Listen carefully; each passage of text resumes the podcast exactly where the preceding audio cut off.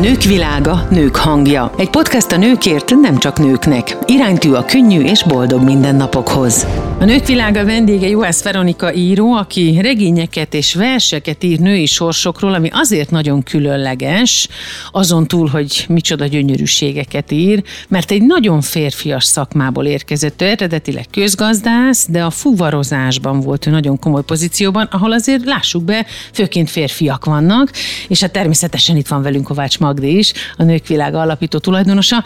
Sziasztok! Elindulunk akkor a férfiasságtól a nőiesség felé. Jó. Üdvözlöm a hallgatókat. Veronika, hogyan tudott ez kialakulni? Az ember azt gondolná, hogy aki egy férfias szakmában van, számokkal dolgozik, stb., az sokkal inkább lesz nem azt mondom, hogy férfias, de, de sokkal inkább lesz egy fegyer, mert igen, köszönöm, belekeményedik, egy élére vasalt, kicsit kockább típus lesz, semmint egy versíró, író, puha, női sorsokat bemutató nő. Hát ez az írói véna, ez már nagyon-nagyon későn alakult ki. Én igazából tényleg egy, mondjuk egy ilyen rózsaszín, Barbie szín, rózsaszín színű Barbie világban nőttem fel gyermekként és fiatalként, vagy még fiatal felnőttként is.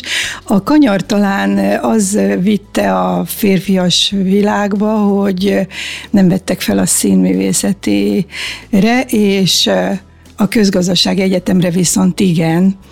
És ott volt egy lehetőségem, hogy szerződést kös, kössek egy szállítmányozó, fuvarozó céggel. Valamikor ez egy legnagyobb cég volt Magyarországon, a Hungaro Kamion, és ösztöndíjas voltam, és utána a diploma után ide kerültem, tényleg egy férfias világba, Ugye hát itt 2000 gépkocsi vezető, 1200 autó, 800 műszaki szerelő, akikkel én dolgoztam sok éven keresztül.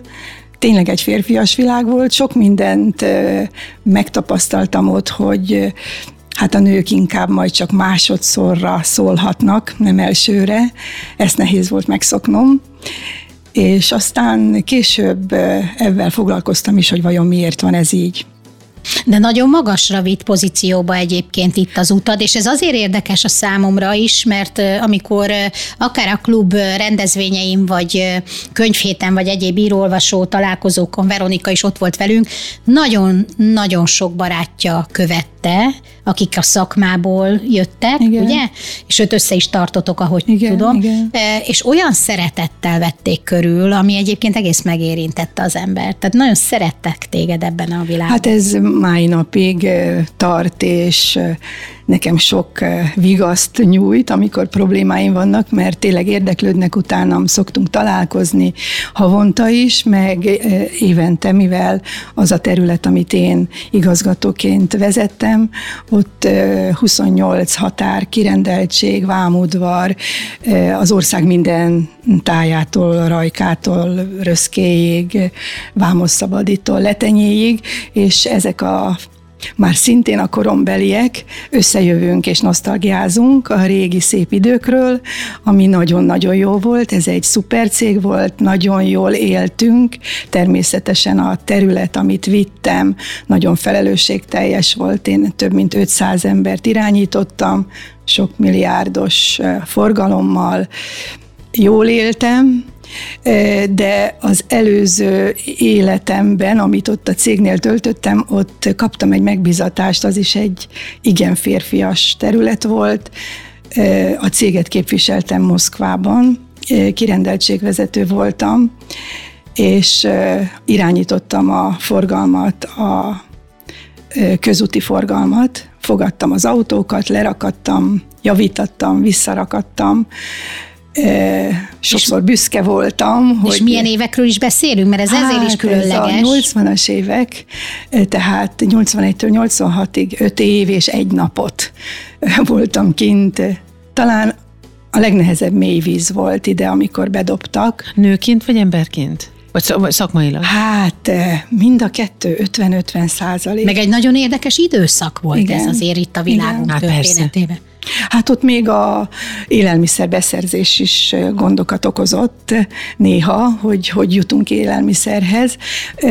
Nagyon érdekes, nagyon szép időszak volt. Azt hiszem, hogy ott lettem igazán felnőtt, és olyan hatalmas élettapasztalatot gyűjtöttem, hogy amikor hazajöttem, azt gondoltam, Persze csak gondoltam, hogy bármire képes vagyok, bármit el tudnék végezni a miniszterségtől, az akármilyen kutatóintézet vezetésig, mert rengeteg olyan dologgal találkoztam, amit magamnak kellett megoldani, semmilyen segítségem nem volt, 2000 kilométer Budapesttől, abban az időben nem volt mobiltelefon, jó, hogyha a Telex működött, ugye, mert a Telexen kaptam az értesítést, hogy milyen kocsikat várhatok, hol kell lerakni, és hát a rengeteg gépkocsi vezető, akik eh, férfiak, akkor még nem volt női gépkocsi vezető, csak férfiak, de jól megvoltunk, és még akikkel találkozom, sokszor én nem ismerem meg őket,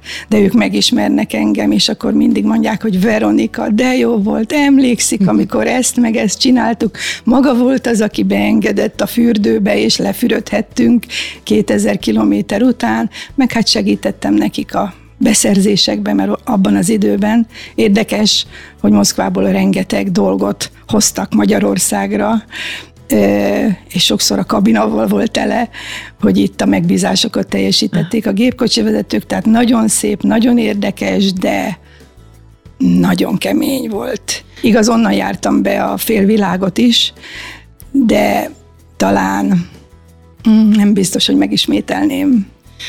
A, az ember azt gondolna, hogy ilyenkor egy nő egy maga nő, egy ekkora nagy, szinte csak férfiakkal dolgozó cégnél királynő lehet, hogy emelik őt, hogy segítik őt, hogy, hogy ezért udvarolnak, hogy egy-két kedves szó azért csak megvan napi szinten, tehát hogy jól érezheti magát az ember egyedüli nőként idézőjelben, még akkor is, hogyha esetleg a nagy céget tekintve több hölgy is volt, vagy inkább, vagy inkább másképp lenézőbben bántak veled, mint nőként. Most a lenéző ezt azt értsük jól, tehát, hogy a nő jó, ő, a, ő csak egy nő.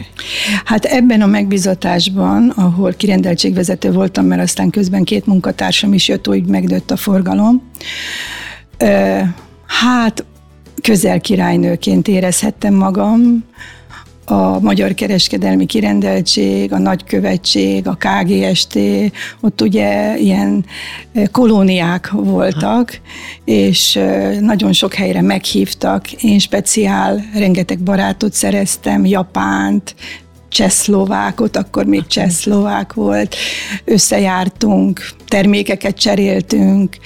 A nőiségem az nyilvánvaló, hogy nagyon büszke voltam, hiszen 31-től 36 éves koromig a legszebb női koromban voltam ott, és virágoztam is, és ezt mondjuk nem is hagyták szó nélkül, de mindig tisztelettudóak voltak velem, úgyhogy az a korszak, mondom számomra egy különleges, és meg is írtam majd a következő könyvemben egyik hosszú novella erről fog szólni. Kezemben egy másik könyv, csak hogyha már a nőiségről beszélgetünk, az Asszonya nevet című, de hát ez is természetesen a te könyved, és itt hadd idézzek az előszóból, mert ezt imádtam, amikor elolvastam, így szól. William Golding, Nobel-díjas brit író és költő, aki megértette a nőket, a következőket mondja. A nők bolondok, ha egyenlőségre törekednek a férfiakkal. A nők sokkal magasabb rendűek, és mindig is azok voltak. Bármit kap a nő a férfitól, mindig nagyszerűbbet teremt belőle. Ha a férfi spermát ad, a nő gyermeket ajándékhoz. Ha a férfi házat ad, a nő otthont teremt belőle. Ha a férfi hozzávalókat ad, a nő ételt teremt. Ha a férfi mosolyt ad, a nő a szívét adja érte. A nő mindent megtöbbszöröz, és minőségileg értékesebbé tesz. És akkor lezárásként ezért sose bántsd meg a nőt, mert egy tonna szennyet kapsz vissza tőle cserébe. Zseniálisan fogalmazza meg azt a varázslatot, ami egy nőben rejlik. Zseniálisan fogalmazza meg, és azok a versek, amiket te írsz, és az a vonal, amerre te elindultál ebből a férfias világból, az azért különösen értékes szerintem, de hát valószínűleg nem csak szerintem azért ülünk itt a nők világában együtt, hanem Magdiék szerint is, mert hogyha valamikor erre óriási szükség van, az most van. Igen, ezt én érzem is, és valahogy feladatomul tűztem, tehát célom van azzal, hogy bemutatok női sorsokat, hogy példaként állítom őket, Például ebben a könyvben több híres nőről is szó van, Churchill feleségétől kezdve Széchenyi István feleségéig, tehát olyanokról, akik viszont nem ők maguk lettek felemelve, hanem a férjüket segítették. Tehát akik feláldozták az életüket, a férjük felemelkedése oltárán, és erre büszkék voltak, és nem sajnálták sem az erejüket, sem az időjüket, tehát ez is egy fajta női feladat. Bocsássatok meg, de eszembe jutott az, amit nemrég olvastam egyébként itt a social media felületeken.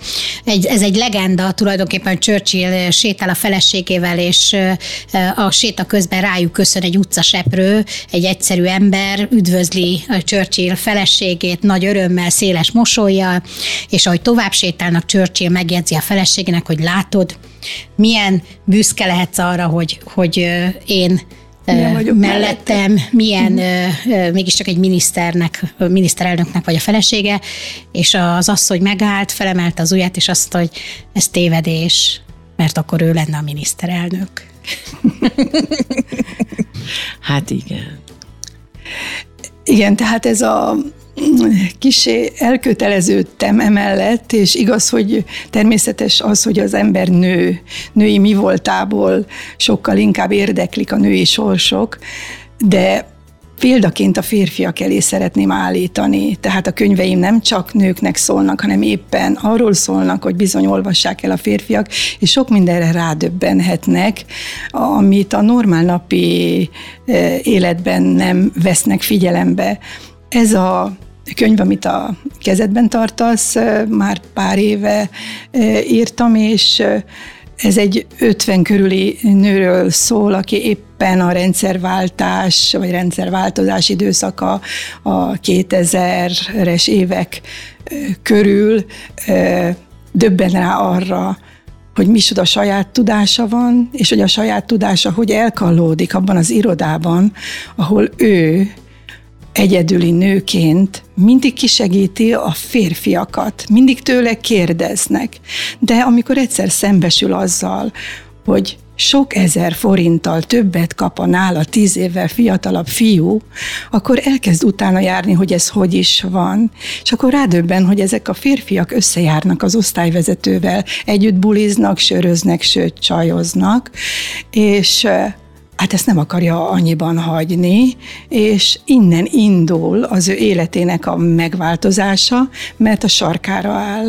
A sarkára áll, és kikéri magának, és egyik idő után már nem adja oda a kimutatásait, hanem mondja a fiú szomszédjának, ugye ezek ma már és akkor is voltak olyan nagy irodák, lovardának is hívtuk, hogy ilyen nem volt szeparálva, és mindenki mindent látott. Egyterű. Egyterű. csak mi neveztük a hungarokat. Ez jó az a lovarda. Igen.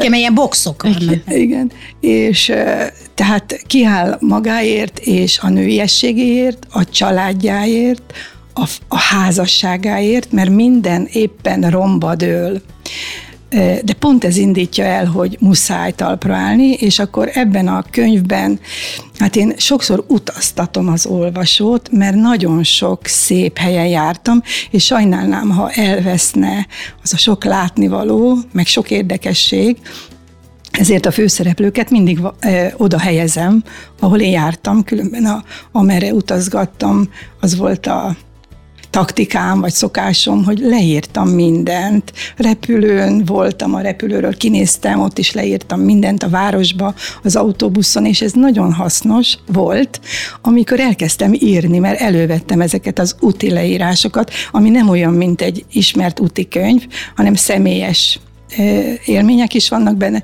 és oda helyeztem ezeket a főszereplőket, így a könyveimben nagyon sok ilyen úti leírás van, az is teszi különlegesé.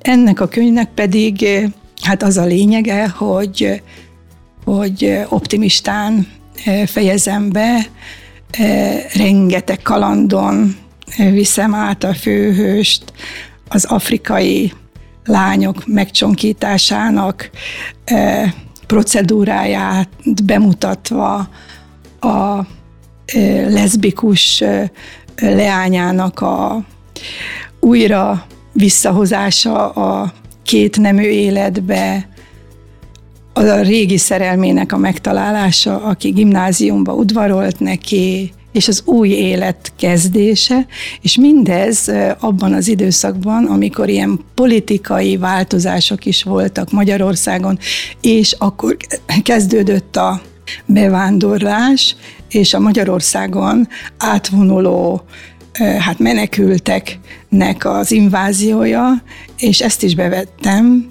mert a férj segítette a menekülteket, és ez is egy nagyon érdekes rész lesz benne.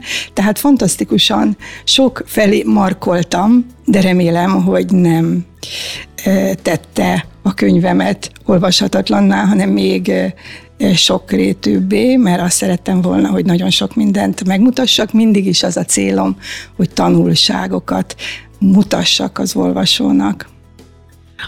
Az, hogy egy nő íróvá válik, önmagában is csodálatos, de az, hogy mai napság valaki verseket ír, az számomra maga a csoda. Tehát ez egy, az egy más világ, az egy másik kategória. Hogy, hogyan jöttek a versek? Mert hogy fantasztikus verseket írsz, hát, amik egyébként rendre megjelennek a Csak a Nőknek magazinban. Igen.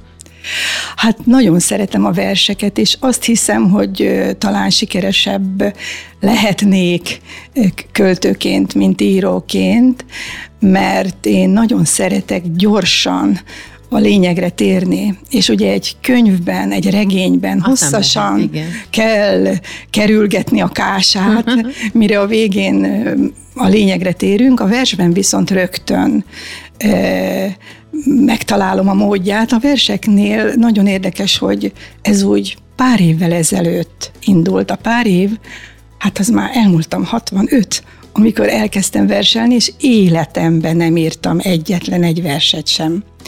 Korábban? Korábban, korábban. És ez úgy kezdődött, hogy jöttek ilyen rímek a fejembe éjjel, és csak úgy jöttek, és nagyon úgy megtetszettek, de reggelre, amire le akartam írni, elfelejtettem. Hogy pedig én jó idei jó volt ez, hogy írnék hozzá, de már nem tudok. És akkor vettem a fáradtságot, hogy papírceruzát tettem a, a éjjeli szekrényemre, és na, amikor jön a gondolat éjszaka, villany föl, írtam, és reggel, amikor felkeltem, tudtam folytatni. Tehát ez olyan volt, mintha hogy jött volna belőlem. Valódi égi sugallatok. hát mondhatjuk, vagy ha akarjuk, így is nevezhetjük.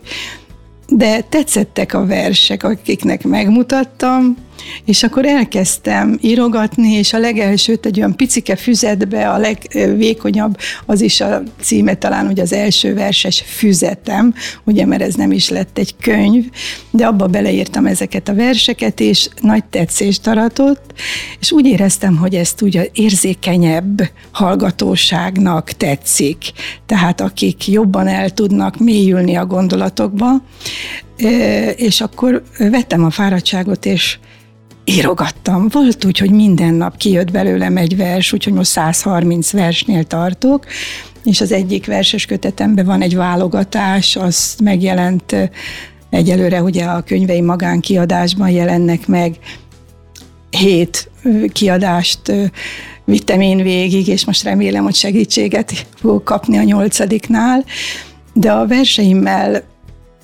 büszkén vállalom őket, bár Hát meg kell mondjam, hogy amikor mostanában belenézek, javítgatom, és átirogatom, tehát eh, vannak jobb szavak, gondolatok, tudnilik nagyon nagy felelősség valamit így leírni, és ugye nem tudhatom, hogy a fogadás milyen lesz, és van, amikor enyhítek rajta, vagy még inkább nyomatékosítok rajta, amit el akartam mondani, és hát nálam a, a, hát a, fontosak a rímek.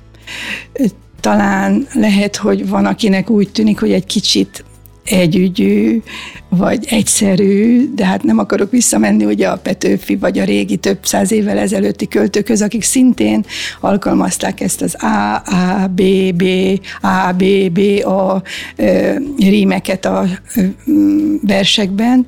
Hát én ezeket alkalmazom, mert volt, aki kifogásolta, hogy ez túl naív, túl egyszerű, próbálj egy kicsit modernebbet érni. Nem kell mindig rímelni, nem kell mindig e, frappánsan e, kimondani a lényeget, hanem próbált körülírni, vagy durvább dolgokat is lehet írni. Hát én próbáltam, de nem megy. Tehát nyilvánvaló az ember azt tudja adni, ami, ami magából. Ő. Igen. Én Jön. szeretném, ha fel is olvasnál egy verset, Veronika. Hát ugye a könyvben van 80 vers, meg még ugye rengeteg, de van egy, ami ugye nem túl veszi igénybe az időnket, a megint ősz, hiszen az ősz közeledik, és ezt is régebben írtam, de szívesen elmondom. Tehát megint ősz, ez a címe. Kár, hogy hullanak a falevelek, kissé elrontják a jó kedvemet, pedig gyönyörű a színes őszi táj, nem is tudom, hogy miért fáj. Tán, mert kissé szomorkássá válok, hiszen koromnál fogva én is már hullok. Csak picinke darabok válnak le rólam, de végleg. És ez nem csak a hajlam. Bezzeg a fák, ők megújulnak rendre. Tudjuk, hisz ez a természet rendje. Számomra felfogható az örök körforgás. Mégis jó lenne, ha nem fájna úgy az elmúlás. Nézzünk ezért bizakodva a hulló leveleket, hisz tavasszal újra beköszönt a kikelet. Higgyünk magunkban és sorsunk titkában, mert még sok lombhullást hozhat a tarsójában. Hát ez ilyen kis optimista versike. De olyan jól esik az ember lelkének, és el is kezdünk gondolkodni rajta, nem, hogy mi mindent hoz az ősz, nem? Vagy hogy mi mindent hoz a gyerekkorunkba, ehhez képest felnőtt korunkba, fiatal nőkorunkba, középkorunkba. Az ősz az mindig egy olyan csendesebb, lecsendesedő és komolyabb változásokat hozó időszak. Legalábbis én mindig így tekintettem rá. Nekem egyébként az egyik kedvenc évszakom, mert én meglátom benne, imádom a színeit imádom a, a, a Azt a fáradt napsugarat, nem? Ami olyankor süt. Igen, meg a, a, az aranyból a sötét bordóba hajló e, színes világát nagyon-nagyon szeretem, és pont talán még a felvétel előtt beszélgettünk Petra, hogy annyira jó, amikor már föl lehet venni így nőként egy zakót, vagy egy pelerint, vagy bármit, és mégis olyan, olyan könnyedén, de, de jól öltözötten lehet lépkedni. Én nagyon-nagyon szeretem a vénasszonyok nyara kedvencem, én imádom, nagyon szeretem. Igen. De hát ugye itt azért van áthallás, tehát az ősz az életkorban is lehet uh-huh. egy, egy érdekes fázis az ember életébe, és nem feltétlenül biztos, hogy az annyira rossz. Igen. Igen, sokkal tapasztaltabbak vagyunk, mert már átéltük a tavaszt és a nyarat, uh-huh. úgyhogy ősszel leszűrhetjük a sok konklúziót, amit összeszedtünk az év szebb időszakaiban. Magdi Veronikával is lehet rendre találkozni nálatok, akár a nőklubban például? Mert az újságban igen, tehát csak a nőknek magazinban olvashatjuk Veronika Így van, verseit. Veronika is szakértőnk. Egyébként én ezért is hívtam meg itt a műsorba is, és nagyon örülök annak, hogy ezt a fajta kultúrát, művészetet vagy gondolatiságot, érzelmességet belecsempészi itt a női klub alkalmával a mi életünkbe. Rendszeresen szoktál Veronika felolvasni nálunk igen. egyébként a versekből, illetve ezért is fontos. Valahogy egy kicsit egy ilyen, nosztalgia ez talán bennem. Én nagyon szeretem a verseket fiatal koromban, én magam is írogattam, és talán majd, majd nyugdíjas éveimben visszatérek ehhez. Mindig a, mindig a családom mondja, hogy na tessék, már az íróasztal megvan, tessék szesen írni, mert, mert valóban engem is föltölt, de valójában azt gondolom, hogy a női klubban ez az egyik célunk, hogy valódi értékeket adjunk és mutassunk meg valódi emberektől. És ugye pont Veronika is az én, az én olvasatomban ezt képviseli.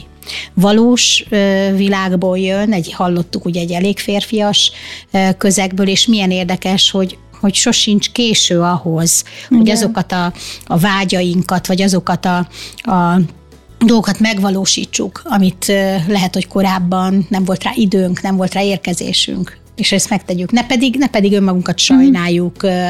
a fotelból, és, és visszavonuljunk, holott lehet, hogy még rengeteg élmény, tehetség, Igen. És, és olyan dolog van a tarsunkban, amit át tudunk adni másoknak, vagy mi kiteljesítünk uh-huh. benne. Mivel ugye azért is jöttünk össze, mert készülünk egy nyolcadik kötetem kiadására, ami nagyon nőc is megint, és az a címe, hogy párválasztások rejtelmei.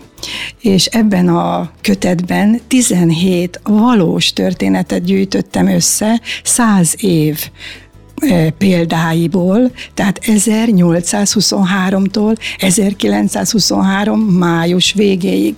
Tehát ez a 17 valós történet bemutatja, hogy milyen rejtelmek vannak a párválasztások döntései mögött. mögött. Nagyon érdekes lesz, nagyon remélem, hogy jól fog sikerülni. 280 oldal, és izgalmas ebben már vannak férfiak is, tehát hogy miért csak, nem csak a nők választanak, a férfiak is hogyan választanak, de vajon mi mi az, ami eldönti, hogy valakit választunk, és vajon jól választottunk-e, ki tudunk-e vele tartani, és ha nem, akkor milyen érdekesség az, hogy tudunk egy másikat is választani.